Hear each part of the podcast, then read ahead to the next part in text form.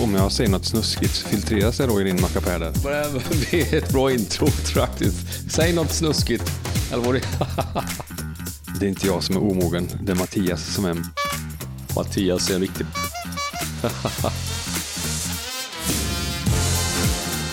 Du lyssnar på Skog och Manges podcast Människan och bilder. Men vad roligt att komma hit till din underbara ställe. Ja, Det visst är var, det? var mysigt då det. Ja, Otroligt, otroligt inspirerande. Jag har sällan varit på en plats där jag har trivts så bra som här. nej, och då har den bara varit i ett par minuter än. Ja, nej, men det är ju helt fantastiskt vilken miljö du bor i. Ja, Underbart. Och nu för alla lyssnare måste du beskriva den här miljön, Mange, för annars så förstår man ju ingenting här. Nej, kan du vi- måla upp en bild av vad det är vi Ja, ser här? Jag skulle först vi? och främst rekommendera att vi lägger ut bilder på Instagram, Skog och Manges Instagram, så kan man se. Men det att, att mötas av en naturpool och sitta inne i en härlig, vad ska man kalla det, poddhuset här. precis. Det kallas normalt poolhus, men idag har vi gjort om det till ett poddhus. Poddhuset. Nej, det är ju magiskt. Med Underbart. en eh, bastu, vedeldad bastu. Ena hörnet, ja, här kan man mysa och ha det gött. Absolut. Är det här du gör ditt bästa arbete? Många gånger gör jag bra jobb här, absolut. Eh, både jag och hustrun eh, drar oss tillbaka hit när familjen kommer hem från diverse jobb hos oss. Så drar vi oss ut hit och fortsätter vara jobb eller ha möten och så om det är saker som är på kvällstid. Då. Du och hustrun har, ja just det. Vi- Ja, inte samtida då. Den ene, den ene får vara här ute i fred och jobba. Eller tvärtom, att man eh, kopplar av och eh, chillar här ute då. Det är tur att det är april nu i alla fall. Ja, Just det, när du som lyssnar lyssnar på det här så är det april eller längre fram eh, i tiden. När vi spelar in det här så är det dock den 31 mars. Och anledningen till att jag vill trycka på det och, och påminna om det, det är att vi har ingen aning riktigt om vad som händer imorgon när det kommer till fikade bilder, folk som lurar varandra och så vidare. Vi är, vi är lite skyddade från den verksamheten 2023 i alla fall. Men det kommer och det är också anledningen till att vi träffar dig idag, Marcus Johansson, och ett stort ämne som vi kallar ja, fejkade bilder helt enkelt. I alla fall arbetsnamnet tills vidare. precis. Jag, jag, jag hörde av mig till dig och tyckte att eh, just det här med övergången från aprilskämt till när fejkade bilder som används i syfte att störa och förstöra, det, det är en ganska intressant grej att kunna prata om i en sån här podd. Ja, verkligen. Och, och innan vi börjar göra det så kanske vi måste ha... Beskriv dig själv lite grann, Marcus, vem du är. Ja, precis. Jag är ju då, precis som Mattias, eh, journalist i bakgrunden. Har jobbat i, nu i väldigt många år som kommunikatör och eh, beredskapshandläggare. Och sen ett år tillbaka så jobbar jag som konsult inom risk och krishantering. Ett av mina kärnområden, då, om man får säga så, det handlar om informationspåverkan. Att upptäcka, att möta och motverka då informationspåverkan. Och informationspåverkan, för er som inte slänger er med den termen till vardags, så är det ju ett eh, samlingsbegrepp för eh, ett, eh, strategiskt medel för att förstöra för andra med information. Bilder, texter, video eller annat då. Och man brukar prata om att krig kan bedrivas med massa olika medel. Demokratiska medel, alltså man slänger ut ambassadörer eller stoppar visum och liknande. Ekonomiska medel, det har vi sett i Ukraina här. Och så information då. Det vet ju alla att information är ju ett jätteviktigt medel i krig. Men du säger nu, förstöra för andra människor Ja. med, Bilder. med bilder.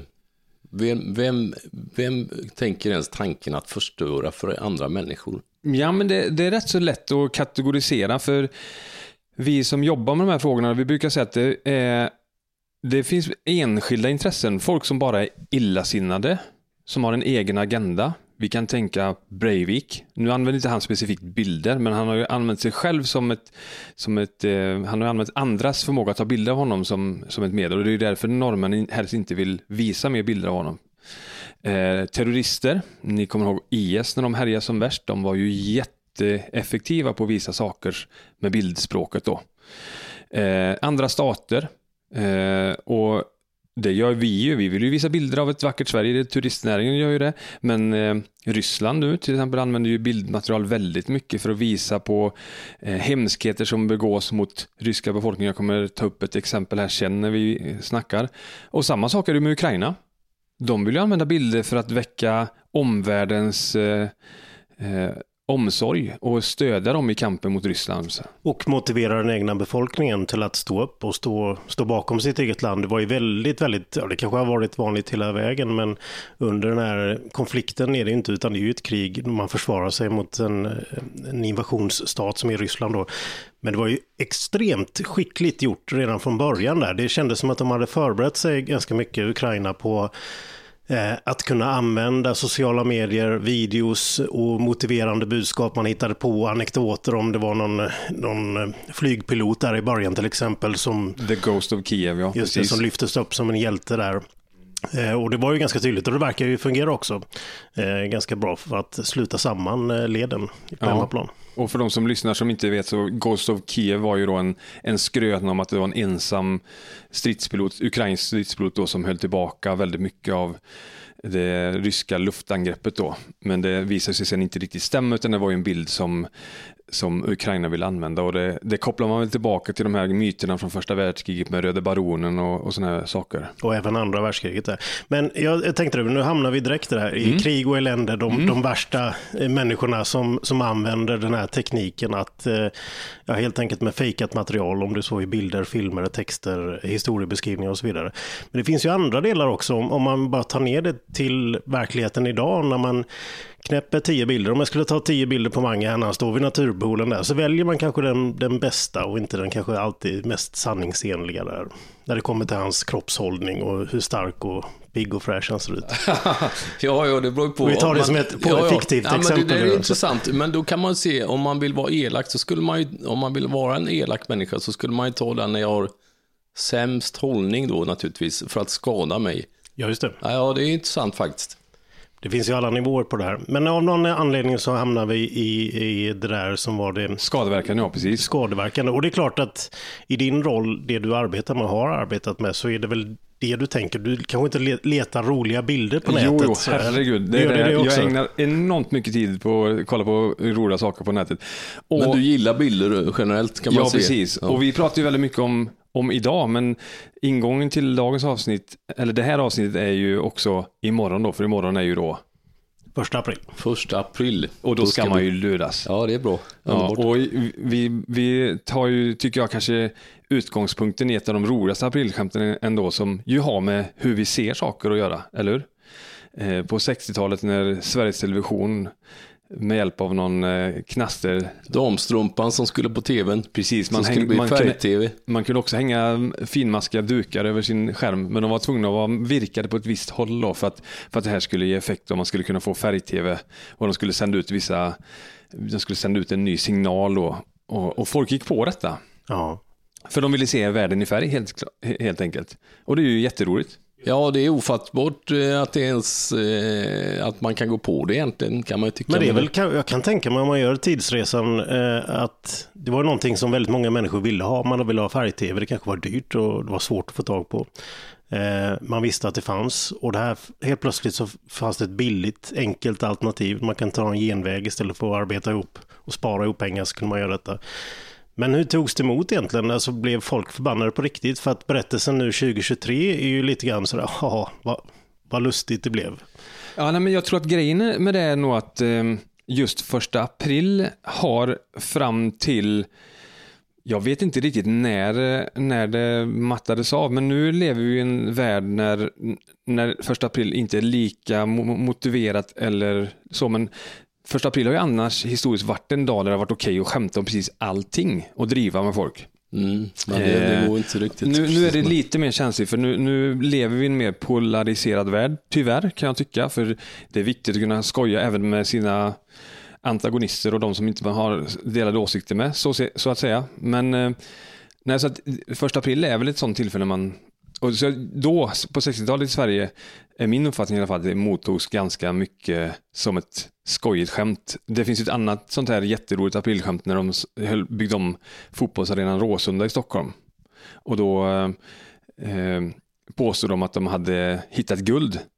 Och eh, dagen efter står det ju mängder med folk med spadar och hinkar. Och det finns också bilder på. Är det sant? Ja, Jajamän. oj, oj, oj. Guldrush Råsunda kan ni Ja, eh, googla på. Nu finns ju inte Råsunda längre, de har byggt hy- hyreshus där så att ska man komma åt guldfyndigheterna så får man gräva sig djupt Mm. ner. Men eh, hur länge har man hållit på med aprilskämt egentligen? Är det en gammal grej? Alltså, Jag tror det är jättegammalt. Är det? Ja, i våran kultur tror jag vi har hållit på med aprilskämt sedan eh, ja, 1700-1800-tal Ja, okej. och, och skojat om saker. Men det, det finns många exempel på att man har skämtat vid vissa datum. Så här. Och oftast har det varit i samband med våren. Jag vet inte riktigt exakt. Jag har inte, jag har inte grottat mer i just aprilskämtets historia så. Men, men att, kunna, att öppna upp för att driva med Är detta en svensk företeelse Nej. i hela världen? April's Fool's Day. Ja, det finns i hela världen. Jajamän, Ja, amerikanerna har... April's Fool. Ja, det, och jag håller med dig. Jag har nog hört någon gång att redan tillbaka på medeltiden så, där. så det är i alla fall riktigt gammalt då.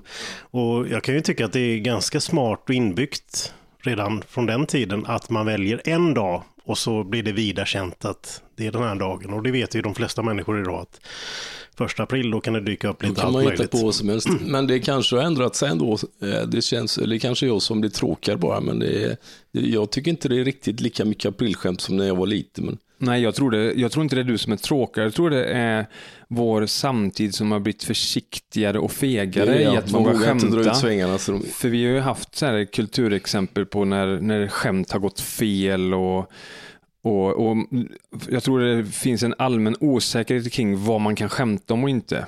mm, därför vågar man inte istället kanske dra skämt till dig. Nej, precis. Nej, och ibland så är ju faktiskt verkligheten värre än dikten också. Eh, och det, det händer ju så många otroliga saker som fångas på bild Absolut. och, och i filmer. Så att man, det ska ju till riktigt kreativa grejer för att det verkligen ska bli ett bra aprilskämt som folk går på. Det är nästan det roligaste jag kan göra är att lura Mattias annars. Faktiskt. Jag försöker ha första april alla dagar eh, runt på året med Mattias. Men det är roligt. Men det är väl lite som att stjäla godis från ett barn. Ja, det är för enkelt. Jag är Lättlurad. ja, kanske det. Ja, det är bra. Underbart. Men du, eh, vad gör du i ditt arbete idag då? Vi, vi har ju skojat lite grann om de- här eh, lite skämtsamma delarna av det då. Men 2023 när det är krig i Europa och eh, ja, så sent som häromdagen så, ja, även om inte det handlar om bilder, så var det ett attentat mot alla länsstyrelser, din tidigare arbetsgivare. Det, det händer och sker mycket i samhället där, men vad, vad, vad är det du jobbar med just nu då? Ja, men som eh, rådgivare med risk och krishantering så handlar det väldigt mycket om planering och förmågehöjning, alltså att göra organisationer och individer bättre på att stå emot svåra saker. Allt från olyckor till i värsta fall då kriget. Eh, men jag jobbar också mycket med, som vi är inne på här nu då, informationspåverkan. Att förstå och, och upptäcka när någon försöker vilseleda oss, lura oss att tro vissa saker. Eh, och också hur man då ska kunna möta det eh, om, om man blir utsatt för sådana saker. Och i slutligen också så är det såklart också en slags eh, förberedelse i det att man ska kunna motverka att bli utsatt för, för sådana sårbarheter som, som information ändå kan ge. Och vad är nycklarna för att en organisation, säger vi, ska vara väl förberedd för att möta det? Ja, men alltid handlar det om att i förhand försöka hitta sina egna sårbarheter. Vad är det man inte vill visa om sin, sin verksamhet som, som eh, finns då? Och då, då gäller det att ta reda på det och så, och så antingen prata om det eller se till så att inte den sårbarheten finns. Så, så han, det är ju grunden i all eh, krishantering och eh, riskhantering, att man, att man tar bort risken eller bygger runt den eller, eller varnar för den, att det här kan hända då. Men har du några, har du några konkreta exempel på som det har som folk har blivit lurade eller liksom kunnat stoppa grejer? Att de har blivit varse att... Eh, Ja. det, jo, men det, jag, har, jag kommer komma till ett Ja. exempel faktiskt. För ehm, här, Förra veckan, jag vet inte om ni, ni noterade lika mycket som jag gjorde, men det finns ju en före detta president då i ett land västerut som härjar rätt så mycket. Och han Mm. Ja, använder ju väldigt mycket information som Ja. ett vapen mot sina politiska motståndare och medel för att nå sina egna framgångar. Han twittrade ju, kommer ni ihåg, ganska tydligt om att han skulle bli arresterad och bygga upp en förväntan kring det här och ville mobilisera sina anhängare till att, till att skapa oreda kring det här. Eh, så jag tänkte vi skulle ha det, men, men jag tänker att det är ju lite grann av en ytterlighet och, och programmet, eller podden idag ska ju lite grann också ta utgångspunkten i humorn. Så jag tänkte om vi backar bandet lite då från att man, vi går inte dit än. vi, håller på den. vi kan hålla på den lite för att jag tycker idag det finns väldigt mycket roliga saker på, på internet att hitta och bland annat så eh, har jag hittat på internet då en kille som, eh, han, han har en svart katt Ja. som heter Kitty. Eh, Kitty the Owl, alltså Uggle-Kitty. Eh, jag vet inte om han tycker att katten är lik en uggla eller så. Men han har alltså bemödat sig med då på fritiden att eh, eh, fejka och göra om massa kända filmer där katten spelar huvudrollen istället. Ja, okej. Och jag tänkte vi kanske kunde testa och se om vi kan se på ett klipp ihop här då så kan vi berätta för lyssnarna vad det är vi ser. Ja, kör igång här. Med filmvisning i podden. Ja, vad spännande. Om man skulle titta på detta samtidigt så kan man se det någonstans då. Ja, precis. Vi kan ju lägga ut länken i, i podden sen. Så det vi kollar på är alltså en eh, omgjord version av Jurassic Park där istället för en Tyrannosaurus rex så får vi se en svart katt som terroriserar upptäckarna i den här djurparken. Det är riktigt bra gjort alltså. Ja, det är så fantastiskt bra gjort. Ja, Och jag- när man ser detta så, så tänker jag, men hur... Hur orkar man? Vara så insnöad? ja nej, det, det är ju det är ju fascinerande. Han Ja, lägger ju sjukt mycket tid på att träna sin katt. Så- Så han, han tränar ju sin katt i sån här grönskärmsmiljö. Ja. Så han kan klippa in katten så att det passar. Och då blir Kitty. Det kan man kolla på. Det var ju riktigt intressant. Ja, Och det här är ju såklart inte gjort för att lura någon att det är en katt som anfaller ett gäng människor som är ute i, i sin turistbil här. Utan det är ren underhållning. ja precis. Och, och det, det, är ju, det är ju kul. Det, så, så ska det ju vara.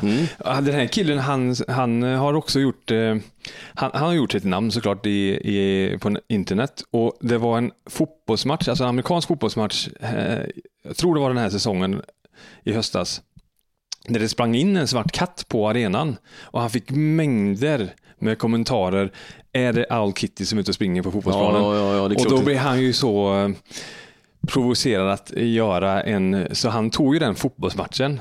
Katten springer in och sen lyckas han alltså få sin katt att göra sådana eh, gester, kallar man det så. Han röper sig på ett sånt sätt, men han leker med en trasa då, vid sådana här grönskärmar.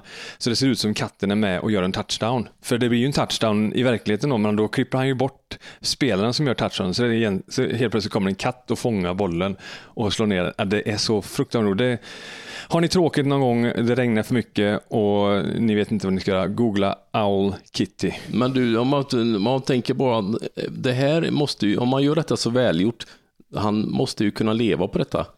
Jag tror han är, ehm, vad heter det? Art director eller? VFX-artist. Ja, kanske. nå- något Ja. sånt. Han jobbar med, med riktiga filmer också, så att Ja. han har nog ett vägval snart att göra. Ja. Och jag tänker mig alltså, att det inte enbart heller är ren underhållning eftersom det vi pratar om är att alltihopa det här, och vi kommer komma in på det sen ännu mer, är ju en utmaning för samhället i takt med att det blir deepfakes och mer allt, bilder blir svårare att veta om det är sant eller inte och så vidare. Ja, precis. Men det sätter ju upp lite grann där på kartan för gemene man att faktiskt förstå, wow, med dagens teknik så kan man skapa väldigt häftiga grejer. Ja, precis. Och vi har ju mer lokala exempel här i Sverige där man, eh, som jag som kommer från Göteborgstrakten kanske man kan säga då, jag är, ju- det är inte ju långt från Göteborg jag är, är från i alla fall, gillar ju både ordvitsar och bilder där det finns ett Instagram-konto som numera då heter Gunde Svan som ursprungsindian. Ursprungsamerikan, ursäkta mig. Eh, från början var det då Gunde Svan som indian, för det rimmar. Men så har ju eh, kontot då anpassat sig eftersom indian ju är nedsättande mot eh, amerikanska ursprungsbefolkningen. Då. Och då eh, visar jag en bild här för Mange och, och, och Mattias på hur den här kreatören har klippt in eh, Gunde Svans ansikte på en, eh, en, ur, ursprungs, en ursprungsbefolkning från USA. Det, det är väldigt roligt. Och det, det Ja, ett det är roligt. Han, han, han ber ju folk eh, mejla exempel, så han har ju mängder. Så det är ju mm. Instagram-konto man kan också sitta och slå ihjäl en halv eftermiddag på och Ja, kolla och på det, roliga man saker. skrattar ju ändå alltså. Visst, visst, det är roligt. Men vad, vad, det är återigen, eh, det är roligt att vara kreativ, då måste man tänka att man när man gör det. Det är Ja. ju återigen, man gör det nog inte för att tjäna pengar liksom. Det, Nej, det är det ju- kan ju inte vara drivet. Nej, det, det här är nog mer bara ren... Som måla- måla en tavla i stort sett. Ja, eh, skapa underhållning helt Ja, enkelt. Och det, ja, det är ju harmlöst. Och jag ty tycker att det som är viktigt eh, ur mitt perspektiv som jobbar med att förebygga informationspåverkan så är det ju att det ska vara lätt att förstå att det här är ett skämt. Det är ingen som menar något allvarligt med detta. Men som vi var inne på här innan med aprilskämtens vara och inte. Det är ju en hårfin balansgång för en del blir ju provocerade av även harmlösa skämt ibland. Men sen som vi har varit inne på då finns det ett läge när, när det här bildmanipulationen övergår till någonting som eh, inte är bara humor egentligen. Och nu visar jag för eh, Mattias och många här en bild på en ganska känd person ändå. Mm. Påven. Precis. Påven går omkring i en stor vit dunjacka här. Ja. Eller som en Michelin-gubbe kan Och man det är säga. helt fotorealistiskt, för det var det ju inte den föregående bilden vi tittar på, heller inte Gunde Svan eh, som, eh, som ursprungsamerikan. Utan det här är ju helt fotorealistiskt och där kan jag tänka mig att många människor har gått på och tror att, ja, Att Vatikanen har skaffat en bild. Ja. riktigt cool, lite hiphop-inspirerad dunjacka. Nej. Nej, men det går ju inte att se att detta är en fake-bild. Det, det, Nej. det, det, det, är ju, det ser ju ut som att det är en riktig bild såklart. Precis, och anledningen till varför jag valde den här bilden som ett exempel på när, när vi kliver över en viss typ av gräns, det är ju för att eh, Vatikanen då är ju väldigt måna om just hur de gestaltas. De har ju väldigt mycket traditioner och vissa saker. Påven uppträder ju aldrig så här. Det här ser ju ut som att det är en Hollywoodkändis som är på väg Mm. mellan två butiker på Mm. eh, någon shoppinggata. Men, men eh, påven uppträder ju inte så. Han, har ju alltid, han är ju väldigt formell i sin klädsel och så. Och det finns ju små sätt man kan upptäcka det på. För ett annat sätt man kan upptäcka det på det, det är ju då att eh, påven i detta fallet, han bär, på den här bilden, bär en kaffemugg. Och det är också en sån här grej som om man känner till då påven Franciscus så, så dricker han inte kaffe, han dricker inte kaffe när han rör sig mellan platser för det gör han när han sitter vid ett bord och, och sådana saker då. Så att på bilden så kan man då identifiera att det här är en fejkad bild. Men den som har gjort den vet vi ju inte riktigt om den har gjort det bara för att han tycker det, den personen tycker det är skoj. Men det kan inte uppfattas annat än att det missaktar påven, för känner man till hur Vatikanen funkar så Mm. vill de inte Nej, det är ju inte bilder. säkert att avsikten är att skada någon egentligen, men det blir ju naturligtvis. Men egentligen så är det rent tekniskt så, det, så kan man ju inte se att det är en fejkad bild. Nej. Men alltså egentligen så skulle han ju kunna gå med en kaffemugg. Det är ju inget som säger att han inte skulle kunna göra det. Nej, rent fysiskt så är han ju kapabel att bära en mugg, Ja, absolut. ja. Men, men det är så här, man kan leta tecken på saker det- som, ja. som är, inte stämmer. Och det, det, I mitt fall då, exemplen jag försökte lyfta fram det var ju att de klär sig på ett visst formellt sätt. De är väldigt, väldigt måna om att de är formella där. Och, och sen också det här liksom, vad de gör, alltså att de, de går och inte och dricker samtidigt. Det, det skulle inte förekomma. Nej, nej, det är klart att det är väl ingen som tror egentligen att påven är utklädd, eller går så här egentligen, men det det är ju ändå hårfint då. Men det är ju frågan avsikten är för att skada. Mm, och sen är det en annan dimension utav detta, det är ju att några av de exemplen vi har pratat om tidigare och tittat på här då, vi som befinner oss i det här rummet just nu, är ju manipulationer där människan har varit en aktiv del, kanske suttit och klistrat i Photoshop eller eh, och mixtrat och, och jobbat med sin, tränat upp sin katt och kunna göra vissa grejer och sådär. Den här bilden vet jag inte riktigt, men jag kan ju gissa att det är kan ju vara AI som har genererat den här 100%. Eh, ja, den är, den är delvis gjord med, med artificiell intelligens då. Så, så eh, det är ändå en, en mänsklig hand. har- Och jag, jag har fler exempel sen på just eh, hur man kan använda AI när man vill, vill förvränga verkligheten ännu mer. Tänkte Men du, först, du får ja. bara fråga, finns det något sätt man kan se en bild, om det är en AI-bild eller om den är manipulerad av en människa då? Ja, men det är ju ni som är fackmän. Ja, jag kan inte, jag skulle aldrig kunna säga. Det får man ju studera bild för bild och sen kommer ju den här skrämmande grejen då om framtiden för att AI om den genererar en bild och så blir det inte helt 100% vad ska vi säga, rätt inom situationstecken då. Det vill säga att, att den lurar Nej. alla människor. Man, man kanske, ja men titta där, det, det står ju helt fel där i bakgrunden. Men man kan ju bara be AI ja, men göra en ny version av det här. Ja, men, ja, men det ändra är den klart att man texten i kan ju, bakgrunden. man eller kan ju ändra den. den själv också då, Ja, och så- kombination Och naturligtvis. så va? lär den ju sig att eh, upptäcka vad vi människor tycker är fake eller anser oss vara fake och så lär den sig av sina misstag inom situationstecken återigen då. Och det är ju det som är det skrämmande, att det kan gå rasande snabbt innan, ja, innan vi inte upptäcker det då. Jag vet inte, vad, vad är- är din take på det då? Nej, men det är ju, alltså det- AI är ju ett jättebekymmer för eh, framtiden. För- Och det är faktiskt så att idag, i, alltså på morgonen här i min omvärldsbevakning så läste jag en artikel i Dagens Nyheter om om att det är ganska många nu som eh, flaggar för att man ska sänka tempot i utvecklandet av artificiell intelligens, AI. Eller rent av stoppar, pausar det tror jag man har pratat Precis, om. för att vi hänger inte riktigt med.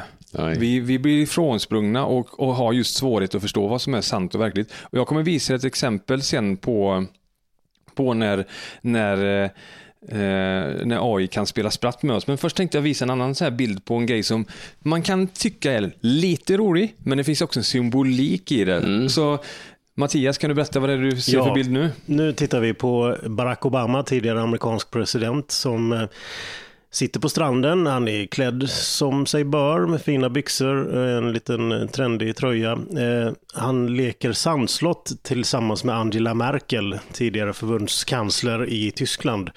Och så är det lite människor i bakgrunden där. Men de ser ut att ha väldigt eh, trevligt där och bygger något slags eh, sandslott ihop. Ja, precis. Den här är helt eh, AI-gjord då. Är detta en AI-bild? Det är en AI-bild. Och det kan man också tycka att den är, den är lite harmlös. Det är lite så här roligt. eh, Två gamla politiker som, eh, som, by, som eh, eh, leker ihop då. Ja. De, var ju, de var ju två politiker som, som drev globalisering och, och, och saker sådana jättemycket då va.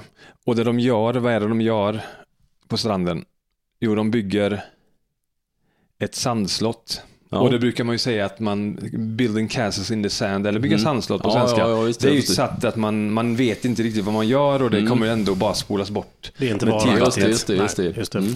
Och det, och det tycker jag, nu har vi ju nu har vi ju tagit en tydlig gräns tycker jag i bildspråket bort från att skoja eller kanske driva med till att verkligen vilja narra och håna.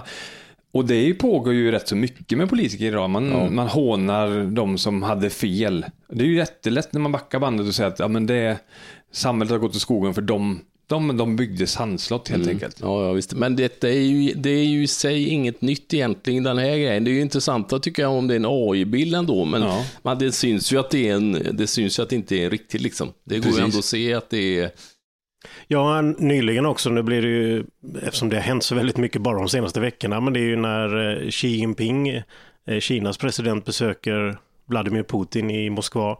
Och det finns en känd nyhetsbild där Putin går ner på knä och kysser Xi Jinpings händer. Det ser, ja, det, man får ju verkligen studera den här för att se att det är fejk, men det är väl kanske lite grann i samma syfte, fast i realtid, i nutid.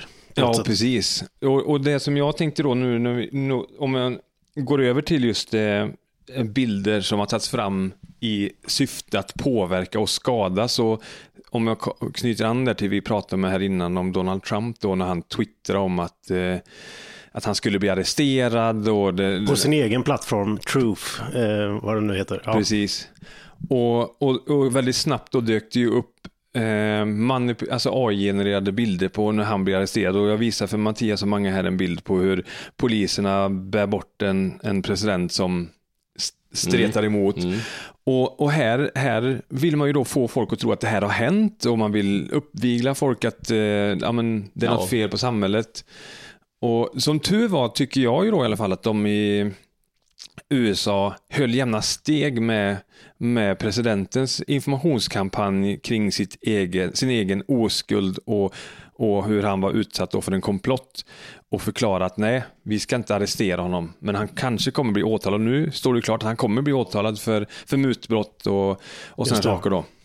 Ja, jag tror, jag vet inte riktigt för jag är osäker, men jag tror mig ha läst källan till de här bilderna på Twitter och ursprungspersonen då som matade, promptade AI med att skapa bilder kring det här skrev, om detta nu är, fakta eller om det är påhittat, det vet jag inte, men helt enkelt, nu sitter jag och väntar på att Trump ska bli eh, åtalad eller arresterad då. och i väntan på det så sitter jag och leker med min AI om hur det skulle kunna se ut. Mm.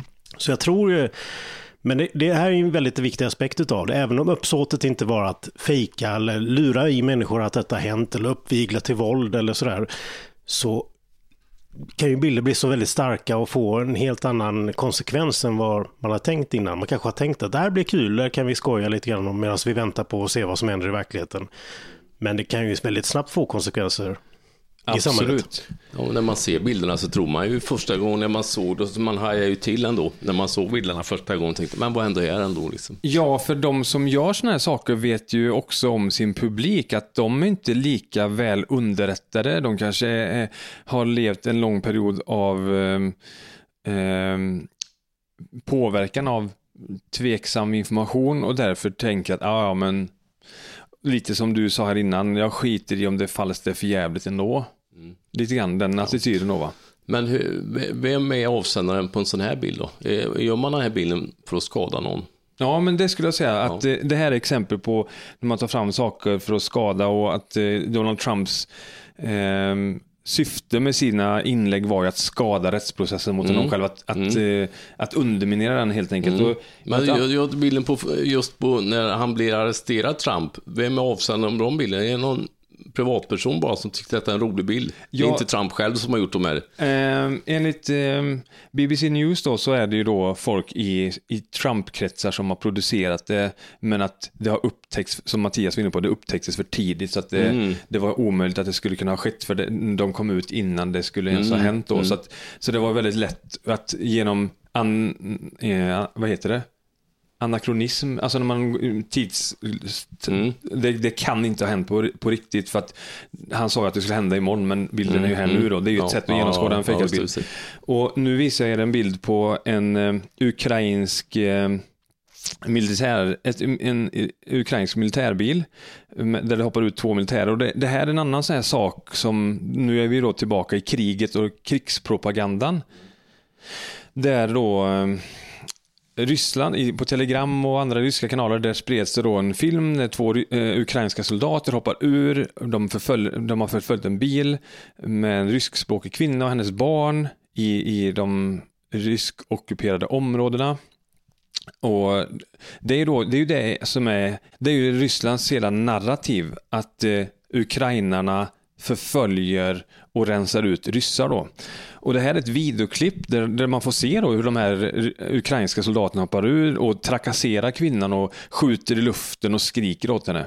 Men det kan man också då, om man spårar tillbaka filmen, se att den eh, den är mycket väl inspelad i de eh, ryskockuperade områdena, men det är ju helt ologiskt att ukrainska förband skulle åka omkring i ett oskyddat, för det fordonet som man ser på bilden, det är en, det är en vanlig Volkswagen-buss då.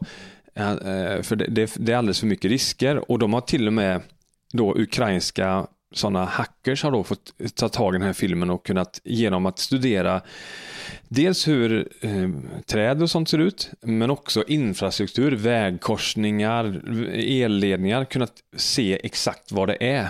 Och de har till och med kunnat då eh, pinpointa vad filmen är gjord och vem som har gjort den och, så här, och den är ju helt uppdiktad då. Men likväl, för den ryska publiken så blir den ju sann, för de får ju inte den bilden.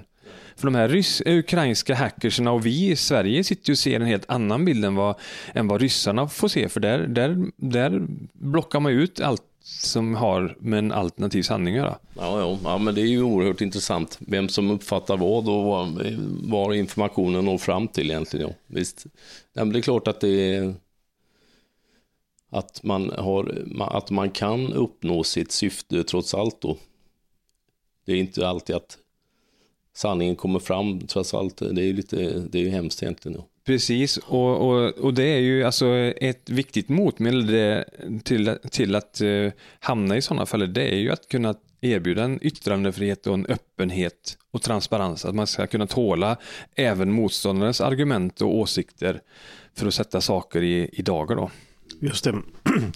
Och så mängder av människor som använder egentligen samma teknik. Om vi nu, alltså modern digital teknik, GPS, eh, öppna data, källor för att tracka var är det här inspelat. Eh, man använder bildigenkänning och så vidare. Så det är lite grann det krävs ju krigare i sanningens tjänst också för att avslöja att det är fejk och det kan ju kanske ta mer tid eh, av oss människor att avslöja en fejkbild än vad det tar att generera en fejkbild. Så det, Absolut, det är ju jättemycket jobb bakom detta. Och jag tycker du är inne på en väldigt viktig sak också, att vi, vi som ser fejkade saker, det är ju en viktig, ett, ett viktigt motmedel är ju faktiskt att vi säger det där tror inte jag på. Det där, det där verkar inte sant. Och nu visar jag en bild. Mange, du kan väl beskriva vad det är du ser för bild nu? Ja, en alldeles otrolig eh, trafikinfarkt här. En eh, gigantisk, gigantisk stor motorväg med 15 filer alldeles fullsmockad med bilar som bara sitter i trafikkör och väntar här. Ja, och det, Det- det är hämtat från ett Facebook-inlägg. Ja. Så du kan, du kan läsa Facebook, alltså vad, vad, Ja, du behöver inte namnge personen Nej, det skriver. varje gång jag läser om klimatutspel av svenska politiker så kommer jag tänka på den här bilden från Kina. Varför tror ni? Och det är ju, det är ju det är klart att det här ser man ju ganska ofta, sådana här bilder. Det gör man. Och sådana här Facebook-inlägg eller vad det kan vara. Mm. Det är inte, det är inte alls ovanligt. Nej. Tror ni bilden är fake? Ja, den ser inte fake ut. Nej. Vad säger Men du man kan ju inbilla sig att nej, det ser, ju, det ser ju för bra ut för att vara sant när man ser trafikmiljön. Men ja, det är svårt, svårt att avgöra. ja, den eh, ser inte, den, det, sy- det syns ju inte att det är en fejkbild. Nej. Det som är fake med bilden är att eh, han som publicerar den på Facebook då menar ju på att det spelar ingen roll vad vi gör här i Sverige, Mm. för samtidigt som vi i Sverige slår en knut på oss själva och höjer dieselpriserna och bl- bla bla bla, så, så håller de om på och bygger ut i, Mm. i Kina då. För det här är en, det här är en äkta bild.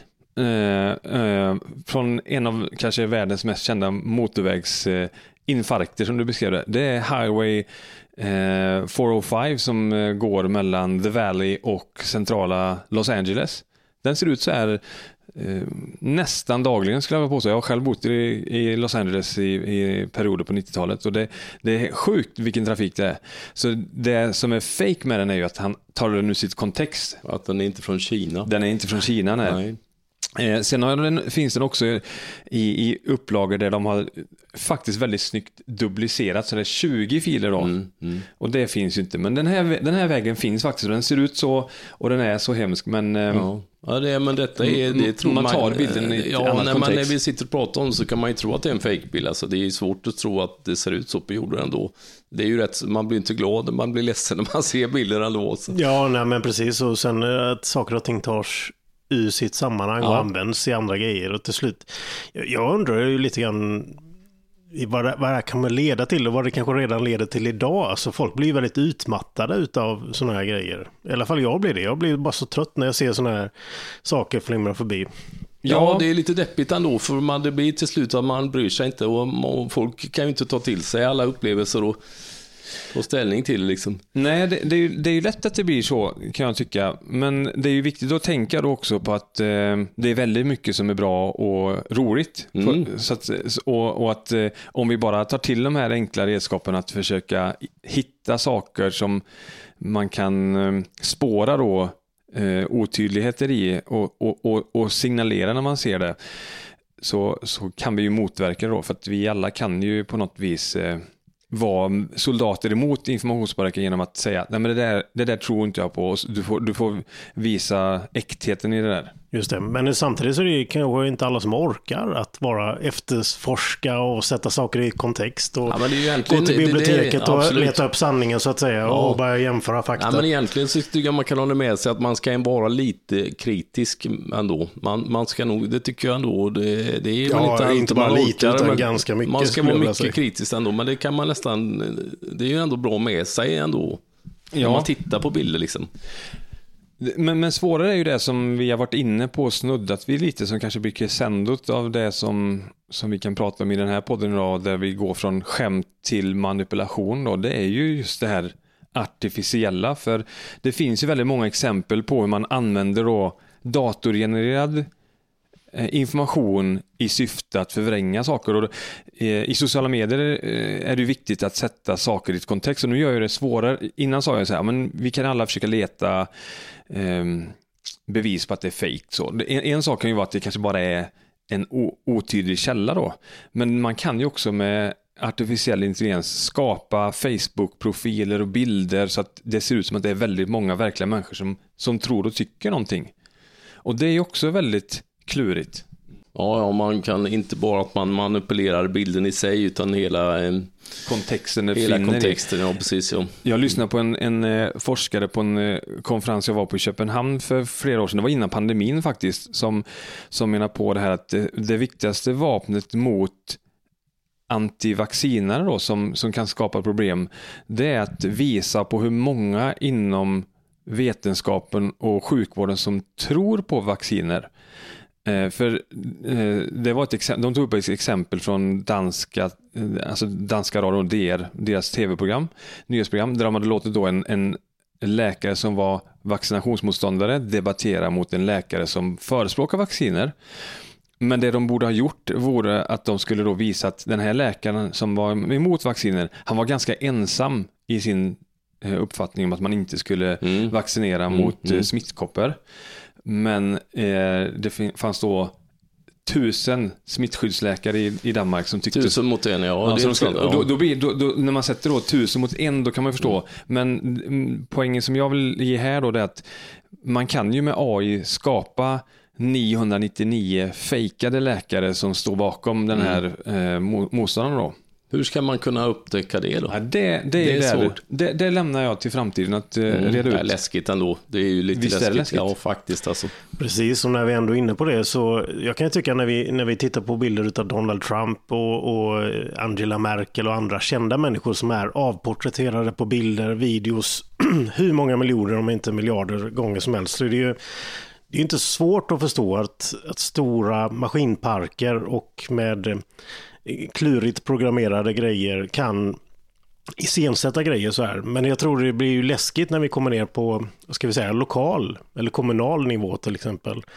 Om, om någon i vårt lokalsamhälle helt plötsligt kan figurera i en helt fejkad situation. Då blir det nog rätt svårt för oss människor att tänka sig hur ska vi förhålla oss till detta. Ja, eller du blir fejkad någonstans Mattias. Ja, och vi alla.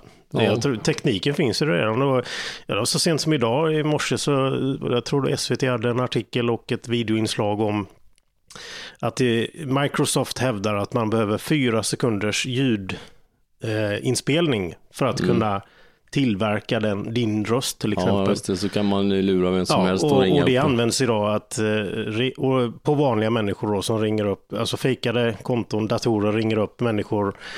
Det låter som att ens barnbarn ringer om man är lite äldre och jag behöver pengar, jag är- det har hänt en fan, eh, otroligt hemsk grej, jag måste skicka över pengar och så går folk på det. För det, Ja. det tror man inte finns på kartan att, Nej, det gör man inte. Det är ju ont igen att när man tänker på det. barnbarn ringer upp Nej, men, och så är det fejk. nej, nej, men man kan inte tro att det finns så elaka människor ändå som vill luras bara. Så det är ju svårt att, att ta det till sig överhuvudtaget. Alltså, Ja, visst är det. Och jag skulle, jag skulle vilja testa en sak med er faktiskt. eh, Just vad, vad vår artifici- artificiella eh, intelligens kan göra med oss. Eh, Så jag tänkte spela upp ett videoklipp. Det är ganska långt så att jag tänker att när ni sänder podden sen så kan ni klippa ihop det. Men, men det är viktigt att ni se, får se hela den här filmen och så kan vi ju prata om hur ni upplever vad det ni ser sen. Så ska vi se. För jag, jag tycker det är svårt att, att värja sig. Okej. Ja, vi tittar här får vi se vad är sånt vi ska kolla på. I mean, I think that I. I think I love you. I love you. Is all you need to love me in return the sound of my voice?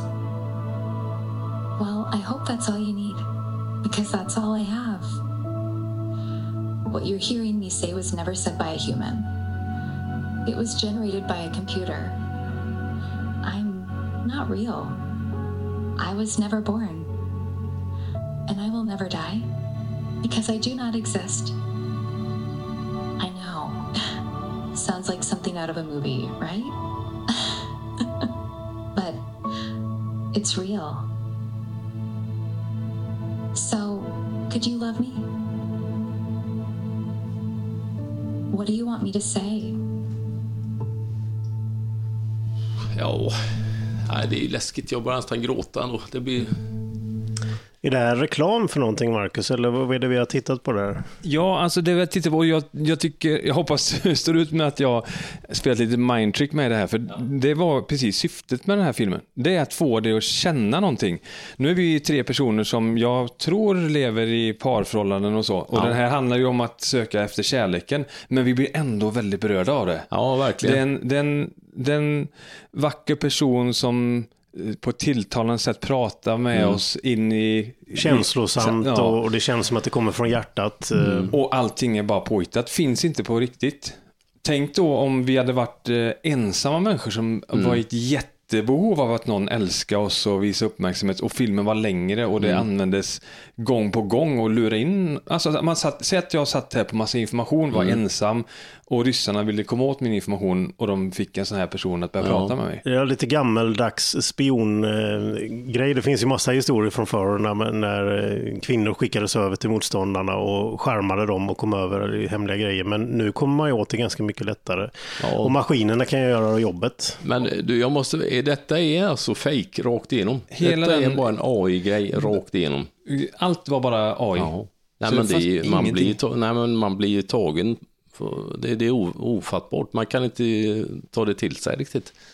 Nej, eh, och det finns ju en film som inte är alltför gammal. Blade, Blade Runner, vad heter den? 2049 heter den. Den andra Blade Runner-filmen handlar ju precis om detta egentligen. Eh, Kanske inte hela filmen, men, men till en stor del av det. Att man i framtiden då enligt den här filmen kan köpa sig kärlek eller människor som lyssnar på en och förstår en och delar sitt liv med en, men som är ett hologram. Ja, det är Men helt du, finns det, finns det kanske, kan man se någonting positivt i detta ändå? Att om man är ensam så kanske man tyckte, nej, det är någon som tycker om här. Ja, alltså, det, det är klart att allt ska kunna sättas i ett eh, positiv kontext också. Att det skulle kunna erbjuda sällskap åt, någon. Eh, det finns ju många som är beroende av hjälpmedel, eh, syntetiska mediciner eller annat och så också. Så att det är klart att eh, det skulle kunna användas för att hålla folk sällskap. Eh, dock är jag inte tillräckligt bevandrad i, i den eh, psykosociala världen för att förstå det. Men eh, ur, ur mitt perspektiv, där jag jobbar med risk och krishantering, så är, Ja. ser vi ju bara, precis som klimatforskare ser, ser risker med utsläpp, så ser jag ju risker med att sånt här Ja, ja. förekommer. För det, det man kan se då eh, är att när det kommer mycket som är fake och vill bli så lätta att lura, så är det väldigt svårt att tro på verkligheten också. Ja, men detta är ju verkligt. Man upp, den kvinnan som står och pratar i kameran, det, det är ju som att det är på riktigt såklart. Precis, men den stora skillnaden är ju att jag lever ändå i tron att vi människor vill träffas. Ni kom ju hit idag för att träffa mig och prata med mig, riktiga människan. Ja. Eh, jag tror att om du är ensam så skulle du nog egentligen vilja träffa en Ja, verklig människa. absolut. absolut. Ja, men det är en sin sak. Men Ja. om man vill skicka ett meddelande, om man vill ha med någon avsändare, då, då är det som att det är på riktigt. Ja. Om man vill lura någon, så, så då är det ju enkelt. Det har inte, det är ju, för att det är ju som att det är på riktigt. Ja, absolut. Alltså det är ju verkligen... Finns så många sidor av det här myntet. Jag kan tänka mig att eh, om man lever i en parrelation som du var inne på, till exempel Marcus, där, att, eh, och så går den ena bort. Och så kan man ändå fortsätta prata med den där personen i resten av sina dagar. Ja, det, det skulle ju vara ett positivt eh, användande av AI, kan jag tänka mig. Det blir Men- kusligt. Undrar om min fru ja, tänker men- likadant. Ja, men är, nej. det är kusligt är det. Men, men det är också sådär, och så vänder jag tillbaka till det lite jobbigare igen då. I det här, man kan ju programmera en sån här att ah, hålla alltid med mig, vad jag än tycker. Mm. Och då har man ju en supporter hela tiden som hela tiden, bra jobbat Mattias, det är så här man ska tänka, jag håller med dig. Och så är det ju datorer, man kan ju duplicera det där. Jag vill ha tusen fans som, som håller med mig om det här. Och så får man det. Kanske vore något för kvastarna. Ja, Falkenbergs FF. du, han, no, den, Nej, vore- är de i Allsvenskan eller vore Falkenbergs FF i division 1. Ja, Jag tror Marcus får ut efter Halmstad bollklubb. Halmstad bollklubb ska spela premiär i Allsvenskan i helgen i Halmstad då ja. Ja, precis. De hade behövt lite AI-robotar på, som uppbackning. Det är nästan slutsålt till premiären faktiskt. Oj, vad kul. Örjansvall. Ja. Jag tycker om IFK Göteborg. Och jag håller på IF Elfsborg. Elfsborg var jag. Underbart. Ja. Ja, men det blir väl bra. Men det är lite svårt att ta till sig det hela tycker jag ändå när man ser eh, en kvinna som tittar ner rakt i ögonen och Säger man... att de älskar en och att Ja. de vill vara med en. Och, Ja, och, och sen så finns hon inte. Nej. Ja, det är lite, jag blir lite ledsen ändå. Jag trodde att hon menade och så. Jo, men det, det är ju det som är poängen. Ja. All, vi alla människor, jag tror inte det har med att vi är män och hon är kvinnor. Jag tror att det, det är liksom, vi alla vill vi bli sedda ja, och, det och, det så. och älskade. Ja, Ja, men det, är, mänskligt. ensamheten är ju ett stort problem i, i stora delar av världen. Men då kan ju detta bli bra med AI. Då kan man ju få en, en bekräftelse. Ja, men vilket samhälle lever vi i? Tänk om alla sitter i sitt lilla attefallshus och pratar med en dator. Liksom. Nej, men så kommer det inte bli såklart. Alla vill ju träffas och kramas på riktigt. Det kommer ju aldrig försvinna. Men det vi får, man, får inte, man ska inte bara se att det är negativt. Nej, nej, absolut inte. Jag tycker, och sen eh, tycker jag vi ska hålla fast vid den röda tråden i dagens podd i att eh, man kan använda bilder för att skoja väldigt mycket och det är väldigt viktigt att skoja för det, det skänker en mening i tillvaron eller så kan det ta bort det här gråa som jag upplevt den här det, månaden. och, och det undervisar om vad som är möjligt med tekniken. Folk Ja. kanske blir lite källkritiska som jag var inne på innan. Jag vill poängtera det. Att Precis. det finns ett sånt syfte med det Ja, jag, jag vill till och med sträcka mig så långt och säga att vi alla har ett ansvar. Man måste kanske inte jobba hårt för det, men vi alla har ett ansvar att vara källkritiska i det Ja. lilla, att man, att man tänker för sig själv. Visst, det där är nog visst. inte sant, jag ska tro på det. Och också säga ifrån. Den bilden jag visade här innan med trafikstockning, det var faktiskt en kompis till mig som delade den i sina kanaler och, och skrev en lång harang om Sveriges eh, klandervärda miljöpolitik. Mm, mm. Den personen bor inte i Sverige längre och jag, jag var tvungen att reagera. Så jag skrev faktiskt öppet att det här är en bild jag känner igen. Den är, och sen visar jag då länkar till bilder på eh, Highway 405 i, i Kalifornien. Och, och Hur togs det emot? Alltså det, det, det, det togs först ganska mycket emot som att jag var en förespråkare för svensk klimatpolitik. Jag vill ju mest bara uppmärksamma på att om du har synpunkter på svensk klimatpolitik så får du hålla dig till fakta. För det går inte, det går inte att bemö- bemöta sina motståndare med, med fake. Nej, det är klart. Men däremot är ju AI är ju utmanar ju på det här viset för att det är ju svårt att veta vad som är sant och falskt när, när, vi, när vi har med artificiell intelligens att göra. Ja, det går ju inte, det går inte att, och det går ju inte att ta till sig att det är det är, ju, det är ju som att det är på riktigt. Det, så är det ju bara naturligtvis. Men det en annan tänkte på, det är ju lite, det är ju i sig lite sorgligt kanske om man nu är, som vi pratar om, fotografering i den här podden och foto och bilder. Det känns ju som en yrkesgrupper inom fotograferingen som kanske har svårt att överleva på sikt. Jag tror faktiskt inte det. Mitt eh, argument mot det har ju lite grann med det som jag visade innan vi drog igång på den här. Jag har bilder från eh, Monacos Grand Prix när det regnar och Sterling Moss rattar runt en, eh, en Formel 1-bil på 60-talet.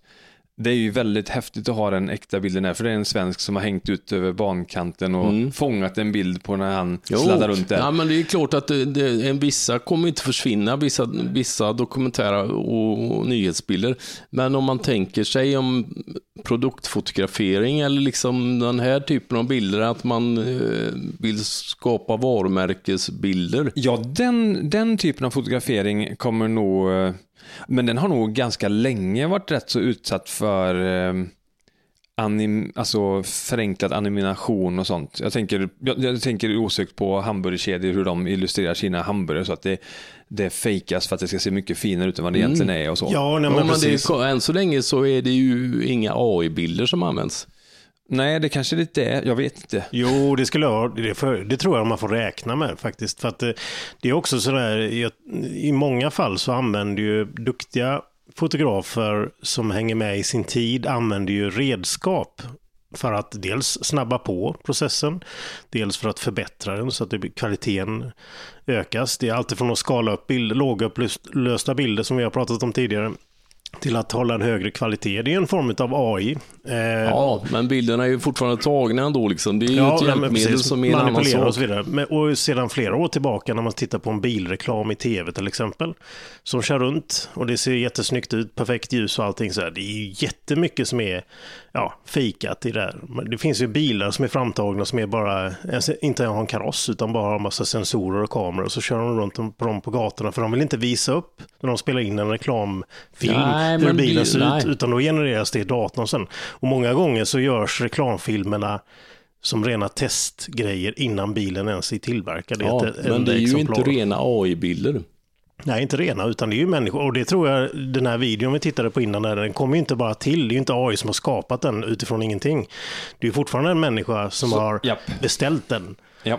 Jo, det, här det- vill det- vi, det här vill vi ha, det ska se ut och kännas på det här sättet. Ehm, Men så småningom så kommer ju AI kunna börja tillverka det som den vill själv Mm. tillverka. Ja, ja, ja, nej, det är klart att det är alltid en avsändare. Men det är ju ingen, det är ju ingen fotograf. Fotografyrket. Nej, det jag är tror ju jag- en det är fotograf, att jobba som fotograf. Som jobbar som traditionell fotograf tror jag kan bli lurigt i Ja. vissa branscher. Ja, ja exakt. exakt det. I vissa branscher, ja precis. Ja. Men sen, sen tror jag att efterfrågan på mm, tänker jag på så här, som bröllopsfoton eller, eller nyhetsbilder Ja, eller nej, dokumentärfilmer. Det kommer ju alltid finnas, det- det- ja, det- självklart. ja, det, är det vill ju, man ha det det är ju en annan sak. Det är en annan Ja. sak. Om inte annat så är det ju en slags motståndsrörelse till Ja. det mest elakartade utav det här, de här exemplen vi har pratat om idag. Att faktiskt visa vad det är som händer. För det är klart, är det ett stort event någonstans där det inte finns en enda riktig kamera, en en enda riktig person som tar en riktig bild utav vad som hände, då, då har vi ju bara fake-varianter kvar utav det. Så att det är ju det, aldrig har väl varit så viktigt att dokumentera verkligheten som nu när vi pratar och tittar på det här. Exakt. Nej, men du pratade innan Marcus om att du hade något exempel på som du hade stött på själv där du kan visa någon, någon som ville skada någon. Ja, eller? det, det var inte skada, beröra och det var den filmen du fick se nu. ja, för jag, ja, jag fattar. Ja, för jag, jag, alltså, jag, jag skojar inte. Jag har ju sett den här jättemånga gånger. Jag använder den i undervisning och föreläsningar och sådana saker. Första gången jag såg den så blev, så blev jag lite, alltså blev jag jättetagen. Men jag tycker det är svårt att värja mig än idag när jag ser på den. För den är så jäkla välgjord och den använder så r- riktade tekniker för att nå mig som människa. Mm, att bli visst. sedd, att bli älskad, att få kontakt. Men det är fake. Det är bara Mm. Visst. påhittat och det är styrt av någon. Ja, då blir man ju oerhört ledsen. Men vad skulle det kunna vara för hot som Sverige, eller vad skulle det kunna vara för hot som du jobbar med till vardags då? De, de, eh, vi brukar dela in det i, eh, i hot eh, som kan vara då inom totalförsvaret. Då är det ju andra länder som vill Sverige illa. Och där kan vi ju läsa till exempel i Säpos och den militära underrättelsetjänstens årsredovisningar att det är främst Ryssland, ingen, ingen högoddsare direkt, följt av Kina och Iran. De använder väldigt mycket information i att skada Sveriges och Sveriges anseende. Eh, sen Varför, så, varför, gör de, var, varför vill man göra det? ja, men det, det är i den här så kallade geopolitiska världen. Då. De, de, Sverige har ju gått i bräschen för det liberala samhället. Må, eh, mångfald, eh, öppenhet Demokrati. och liksom, demokrati. Och, och, och de är ju väldigt auktoritära, de länderna. De ser ju Sverige som en stor fiende till det. I det, I det mikroformatet kan man ju se att Turkiet är där också och nosar. De gillar ju inte alls, att, och Ungern med för den de vill ju inte släppa in Sverige i, i NATO förrän vi eh, pudlar lite på de här områdena då. Men sen finns det ju som jag har nämnt här innan då, terrororganisationer är också väldigt måna om att eh, ge sig på Sverige, för vi har ju varit starka bidragare till att motverka terrorism. Organiserad brottslighet, ett annat sådant exempel. Det är mer polisen då som, som jobbar med, med de sakerna där framförallt de, de, de är ju inne och nästlar i i drogliberalisering, då, att, att legalisera droger och min, visa på positiva effekter av droganvändare och sådana saker. Då. Ner till enskilda stollar då. Det som hände på länsstyrelserna här i Sverige i går var det till och med va? Ja, det var ju vecka nu med massa Ja. pulver som dyker Pulver upp. som Och, och det var ju då enskilda intressen i Sverige som vill stoppa myndighetsutövning kopplat till djurskydd då, som känner sig förfördelade och, och motarbetade då. Som, Men det är någon privatpersoner eller en liten grupp? då? Det kan jag ju inte säga Nej. för jag vet ju inte riktigt. eh, Men jag, när jag jobbade på Länsstyrelsen så, så eh, gick det ju att sortera bland alla de som var förbannade för att man hade gjort något dumt som myndighet såklart till de som var riktigt, riktigt illasinnade och ville illa och gav sig på. Mm. Men om vi tänker oss då ett worst case scenario eh, i framtiden är ju om inte det, det skapar så mycket oreda kring information och fejkade bilder, fejkade videoinslag och så vidare. Så att vi människor, vi litar inte på någon. Och så kommer Marcus Johansson ut genom dörren och berättar nu får vi passa oss för det här, nu händer detta. Eller om statsministern tar, tar sig lite tv-tid och adresserar det svenska folket men ingen lyssnar för att vi vet inte vad vi ska lita på. Ja, men jag tror, du, jag tror du sätter huvudet på spiken där, att det är inte jag som när det händer ska komma och säga vad som är sant och falskt, utan det som är väldigt viktigt är ju att alla aktörer som har en roll i våran krisberedskap och i att bygga ett försvar för Sverige faktiskt är aktiva idag och pratar om hur vi tänker försvara landet och eh, vilken roll vi medborgare spelar och vad vi har för värden som är värda att försvara. Och det, det har vi jobbat ganska mycket med nu några år. Bland annat för att mm, öka medvetenheten kring hemberedskap och att stå emot långa elavbrott och så. Men nu, nu kommer ju också information in. Så att vi kommer ju jobba ganska mycket, vi som är i den här branschen framöver, med att eh, hjälpa folk att förstå att vi behöver bygga motståndskraft mot informationspåverkan, inte bara, inte bara stå emot elavbrott. Är ni främmande för att använda den här tekniken i era syften så att säga? Att använda machine learning, AI? Bra fråga. Det var en rolig fråga. Jag, jag har svårt att se poängen i det för att jag tycker fortfarande att eh, vi... Att kunna göra stora massanalyser av vad som händer. Ja, sådana saker kan man ju använda AI till, absolut. Omvärldsanalyser, ja, herregud, det gör vi ju hela tiden. Eh, men eh, jag uppfattade frågan mer riktad till att vi skulle nå ut med artificiell information. För det är fortfarande viktigt för oss att vi är avsändare och att vi vill ju att det ska vara eh, ledare eller makthavare eller eh, sakkunniga som säger saker som är viktiga för allmänheten att förstå. Tegnell kring smittspridning. Det ska inte vara en robot eller något animerat för det är, ju, det är ju han som har samlat den kunskapen från sin myndighet som säger det.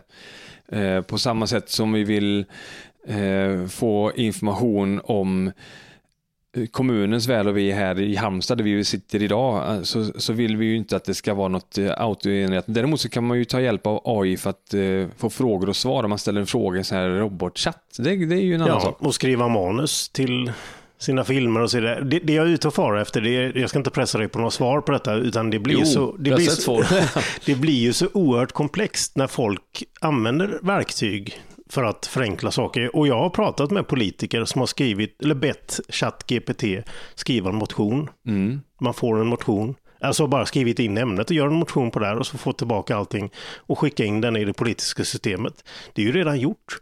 Ja. Och då tänker jag mig att det är en fara för oss människor. Vi kan använda tekniken och så till slut så blir det egentligen bara datorer som krigar mot varandra i ett informationskrig. Det, så skulle det kunna vara i en dystopisk värld. Och jag säger att eh, för egen del så känner jag att eh, även om jag som idag sysslar med tjänstemannajobb som konsult då, alltså jag stödjer ju andra med min, med min kunskap, eller om man som min hustru forskar en hel del, eh, det, det, är ju ett slags, det är ju som att kissa ner sig lite grann. Det kan ju vara skönt den stunden att man snabbt får fram en artikel eller en motion eller så. Men till slut så står du ju där utan den egna kunskapen i huvudet och när du då kommer i det här verkliga mötet med dina eh, medmänniskor, då kan det vara svårt om inte du har jobbat med din egen hjärna för att få fram det här och, och knacka tangenterna. Då kommer det falla alltihopa, ja det är för väl ja. Lite grann här som vi säger till våra barn, att det är viktigt att läsa läxorna för att mm. lära sig någonting. Ja, ja, inte precis, bara klara provet. Ja, ja. ja, men det är helt rätt. Ja, fantastiskt. Det, och jag är så eh, tudelad i det här ämnet, för det är, jag ser ju vad all, de onda sakerna som både händer och kan hända och säkert kommer hända i många fall. Men så vill jag ju vara positiv i grunden. Jag vill ha sprida framtidstro och, och, inspirera folk till att använda fantastiska nya verktyg för att göra ännu bättre grejer och så vidare. Men hur, hur ska man som människa, om du, kan du leverera några tips på hur kan vi göra i vardagen? Hur kan vi ha vilket, vilken approach kan vi ha till det här? För att, ja, men, det, för att ja, inte men, liksom det... fastna i, det, i mörkret utav det. Jo, men, men jag, jag, har nog några enkla tips. Eh, som, som, och som eh, medmänniskor så tror jag det är väldigt viktigt att inte fastna i ett, ett spår. Att man alltid lyssnar på en källa. För det, det, det är ju ett sätt att bli lurad på eftersom det finns så många olika alternativa bilder. Då. Så att man belyser en fråga från olika håll. Jag själv anstränger mig väldigt mycket för att läsa tidningar och, och läsa eller lyssna på eh, sådana som inte tycker som jag själv. Det är ju väldigt jobbigt för att vi är ju kognitiva latmaskar. Vi vill ju liksom bekräfta det vi redan vet. Eh, prata med andra. Eh, att eh, ta en paus. Nu är det ju väldigt lätt när det, man kanske ser på nyheter strömmat istället för livesänt. Att man pausar och säger vad, vad tyckte du om den här nyheten?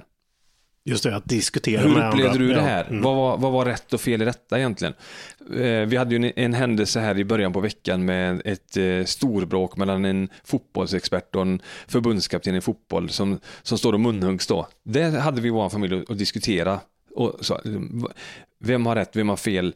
Kan man göra si, kan man göra så? Och kom fram till att ja, men, det är en väldigt eh, stor höna av en väldigt liten fjäder för det är fortfarande bara fotboll. Ja, men det var väldigt uppfriskande hela alltet som blev runt omkring det tycker jag var roligt att se. Var sällan man har sett så mycket människor som har engagerat sig så Ja, absolut. och skrivit och pratat om det. Så att det, var, det var faktiskt oerhört Ja, nej, uppfriskande. men det, det är jättebra.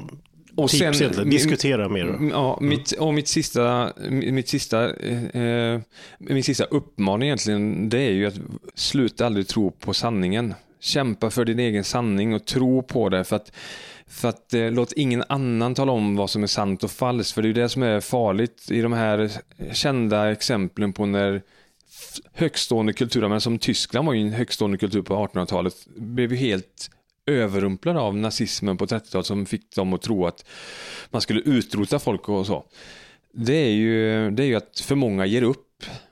Och, och så att mitt, tredje tips är egentligen där då att, eh, att stå upp för det du tror på. Jo, det, det, det är oerhört viktigt. Det är lite jobbigt men det, det får Ja, vi men göra. det tycker jag är en bra, det var ett bra ändå. Stå upp för det vi tror på.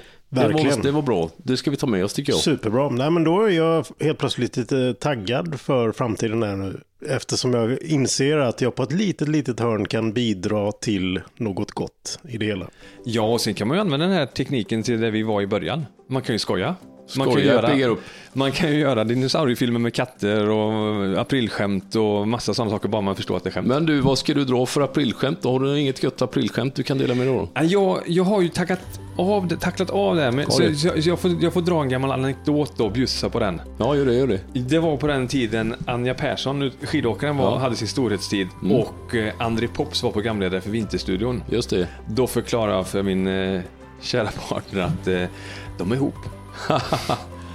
så nästa säsong av Vinterstudion så kommer inte André Pops få programleda Vinterstudion för att eh, han är ihop med Anna Persson.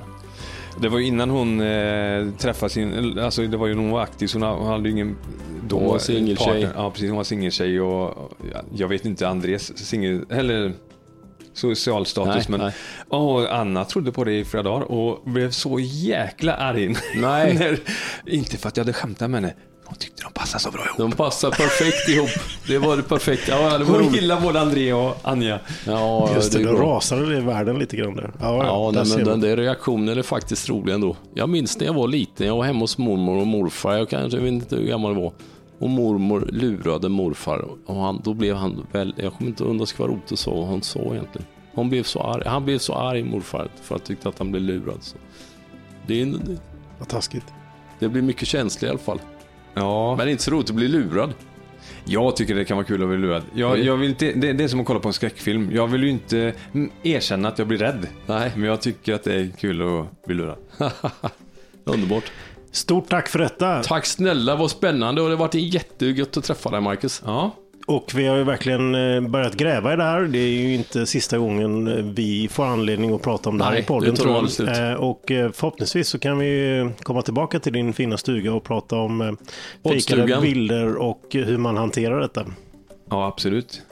Får vi komma tillbaks? Det är klart ni får. Underbart. Jag lägger in lite mer ved i kaminen bara. Gör det. Du har lyssnat på Skog och Manges podcast Människan och bilder. Hör av dig på Instagram. Ingen tv utan Mange och The Real Skog. Vi hörs snart igen.